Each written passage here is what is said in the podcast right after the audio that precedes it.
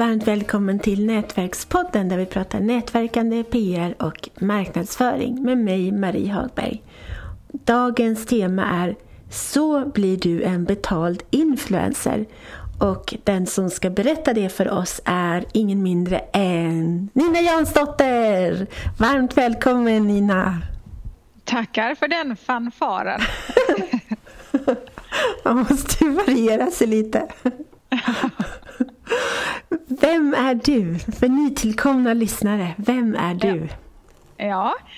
Eh, jag är just eh, influencer eh, och jag lever då i mitt eget bolag på att vara en betald influencer som företag och organisationer kan anlita för att driva trafik och synliggöra saker.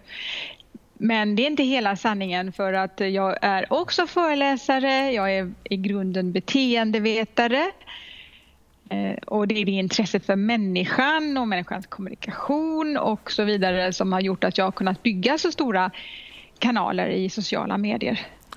Facebook, Facebook och, eh, och LinkedIn är de främst de kanalerna som jag använder. Och jag skrattar lite för jag föreläste för eh, ett gäng yngre kvinnor för, eh, jag tror det var ett år sedan. Och då sa de mig, ja men vad, eh, jag vill följa dig på Instagram. Så sa jag att jag är inte så mycket på Instagram. Nej men vadå, sa du, du är uh, oldfluencer, sa de 50 plus. Okej. Okay. Och det faktum är att när jag kontaktar företag som jag gör i perioder kanske kontakta dem på Facebook till exempel via deras gilla-sida. Då lyfter jag just fram det. Jag säger jag är något så ovanligt som en influencer 50 plus och mina följare är kapitalstarka och eh, intresserade av de här områdena då inom lifestyle till exempel som jag eh, verkar inom. Så jag, jag, lyfter fram det som en, en fördel istället för att jag ska skämmas för att jag inte är på TikTok eller Snapchat och, och liksom, som de yngre influencerna har större kanaler än där jag, som jag har. Mm. Så, så jag, jag, väljer att eh, lyfta fram det som en fördel. alla kan inte vara, vända sig till 20-åringar heller tycker jag. Det finns ju såklart shoppingbenägna människor i alla åldrar. Ja. Ja, jag har hittat min nisch. Hur blir man en influencer? Alltså, för det första så, så, krävs ju då att man har etablerade och bra kanaler där du pratar med eh, en målgrupp.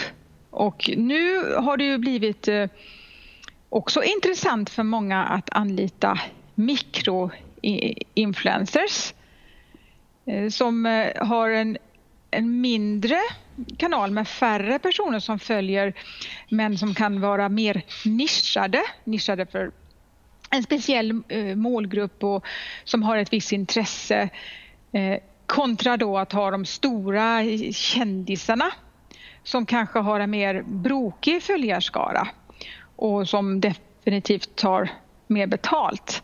Så kan man istället ha många mikroinfluencers i sin korg som företag när man anlitar någon. Mm, jättebra.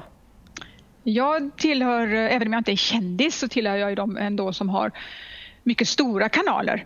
Men eh, jag har också mer specifika kanaler för att jag har där jag är mikroinfluencer då, för att jag har olika grupper med en specifik målgrupp. Jag har någon grupp som vänder sig till de som söker jobb och jag har någon grupp som vänder sig till de som är intresserade av hälsa.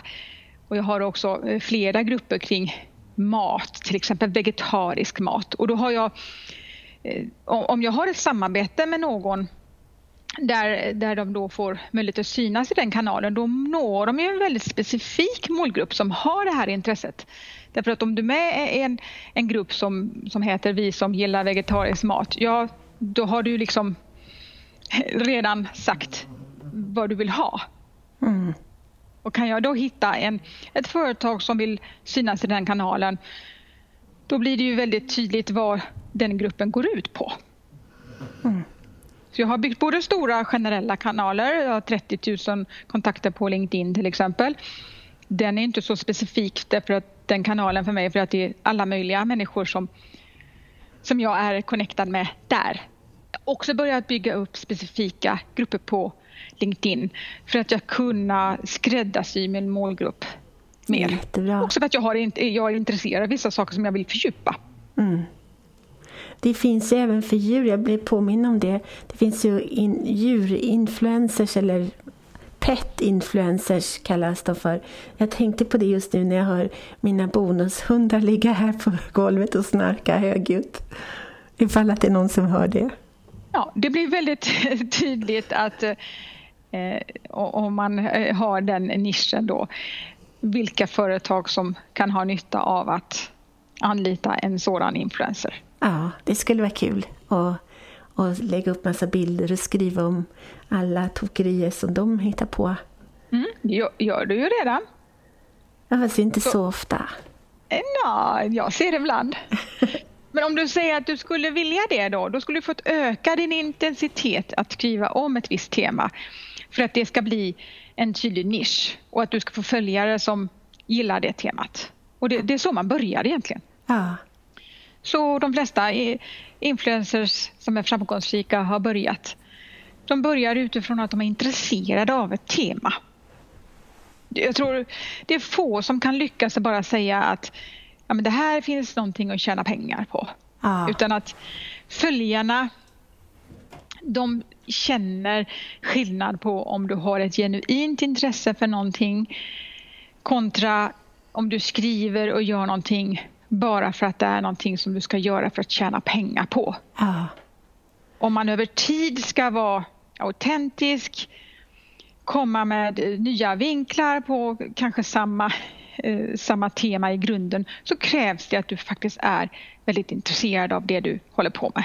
Och det gäller egentligen allting. Ja. Ja, ja men det skulle vara lite roligt att skriva om djur för att jag har ju även, eller inte jag personligen, men min svärmor har ju fyra stycken kvigor och så har hon eh, tre stycken hittekatter och sen så då de här eh, hundarna också som jag har mm. ibland. Ja, det skulle kunna bli en ny nisch för dig Marie. ja. Men djur är någonting som, som är väldigt tilltalande för många. Ja. Och speciellt kanske i svåra tider. Alltså för djuren är så... Ja, de bara är. Ja. Det är så enkelt att tycka om ett djur. Ja, det är ju det. De är så roliga alla. Ja, och så gulliga, och oftast gulliga bilder och, och så. Så det, det, är absolut någonting som, som, eh, som attraherar många. Ja. Ja, det är sant. Jag får börja samla ihop alla djur, bilder jag har tagit av djuren och så, så skriva små grejer om dem. Eller du som lyssnar och tänker man, har du någonting som engagerar dig som också skulle kunna engagera andra? Att börja lite mer specifikt bygga eh, din kommunikation kring det. För att nästa steg är ju sen då att hitta eh, någonting att ta betalt för. För att ja. man kan ju vara influencer bara för sitt höga nöjes skull. Och sen kan man vara influencer som också integrerar då sitt intresse och, och sin kommunikation i sociala medier med någonting som man får någon intäkt för. Och då kan man hålla på det? ännu mer. Ja. Då kan man säga upp sitt jobb till exempel. Oh, eh, eller minska arbetstid eller något annat och satsa mer på sitt intresse. Hur, hur tjänar man pengar då? Hur gör man då? Det finns eh, väldigt många sätt att ta betalt för som influencer. Ett sätt kan vara att man skriver ett eh, inlägg om ett företag eller en produkt och så tar man eh, betalt för det specifika inlägget. Eh, en prislapp och den prislappen kan handla om ofta då hur många följare man har i en viss kanal. Det kan vara en blogg, det kan vara konto på Instagram, det kan vara att man gör en, en film på eh, livestream på Facebook där man visar att man packar upp varan och så vidare. Så det kan vara att man tar betalt för ett inlägg. Det kan vara att man eh, blir bli kontrakterad för till exempel eh, tre månader och då ska man göra ett visst antal inlägg och eh, kommentarer och så vidare och då får man, en, eh, får man det som, eh, något betalt för det. Eh, det som jag tycker är, börjar bli väldigt vanligt är att man använder olika rabattkoder. Så att du får en, en kod om jag har någonting att lägga ut till de som följer mig så kan jag lägga ut att om du uppger den här koden NINA så får du eh, 15 rabatt på eh, någonting du köper av det här företaget. Och då samlar systemet in då alla de här de som har angett koden NINA och så får jag eh, antingen att jag får 200 kronor eller 100 kronor per person som har använt den koden alternativt att jag får också få 15 procent på eh, den eh, summan som de har betalt. Det, det, är ett sätt som jag märker blir allt vanligare att man får provision då på vad man säljer. Det, det kan också vara en kombo. Ett, ett, ett, eh, pris för att starta och sen per köp som genomfördes. Jag hörde att hon, heter hon, Bianca Ingrosso eller Wahlgren. Hon fick ju typ 100 000 kronor för ett inlägg, sa ja. hon i alla fall. Ja, det är få som får så mycket för ett inlägg och det är även lite betalt om vi jämför med de amerikanska storstjärnorna. Eh, vad man också kan få betalt för det är om man eh, till exempel drar personer till ett event. Nu, just nu är det inte så mycket live-event men, eh, eller en föreläsning men det kan vara eh, på nätet hur många som har köpt då en, en viss biljett och så vidare. Och det mäts också. Man kan skapa produkter själv, man, till exempel som vi har gjort, du och jag Marie. Eh, eh, kurs i självkänsla. Mm. Och då kan man med sitt namn dra in personer till eh, den här e-kursen som det var då. Mm. Det är ett sätt att få betalt för att man har byggt upp ett namn och ett förtroende för att man har en viss kunskap. Man kan skriva böcker och på så vis som influencer sälja den boken. Man kan köpa in varor och sälja så att man faktiskt har en fysisk produkt som man säljer. Som man gillar och, och som man vill stå för. Ah. Och då tjäna, ha en, en liten butik i sina kanaler. Gud, så härligt. Och det finns många andra sätt. Men det här är någonstans för att ni som lyssnar ska få eh, lite idéer till hur man kan ta betalt då för att man har med idogt arbete byggt upp stora kanaler som andra kan ha nytta av att få synas i. Och det får ju såklart kosta. Ja. Man kan också skriva blogg, erbjuda sig skriva blogginlägg till exempel om ett annat företag. Superbra Nina, vi får återkomma till det här ämnet. Ja, det, det kommer det bli för det är någonting som jag eh, gärna vill lära ut för jag märker att det är många som inte har jobb och många vill hitta nya vägar och då kan detta vara ett sätt att faktiskt skapa sig sitt eget arbete. För det finns många företag som har produkter och tjänster som de vill sälja men de har inte så mycket marknadsföringsbudget och de har kanske inte eh, så att de kan anställa personer som jobbar med marknadsföring men de kan lägga ut sådana här professionsbaserade upplägg på eh, duktiga säljare som man är då när man tipsar om grejer och får betalt. Jättebra. Men det är viktigt att man känner för varan eller tjänsten att man gör det med hjärtat. Annars känner följarna att det är någonting som du bara prånglar ut för att du har fått betalt och det är inte bra för ditt långsiktiga varumärke och engagemang. Det varnar jag för.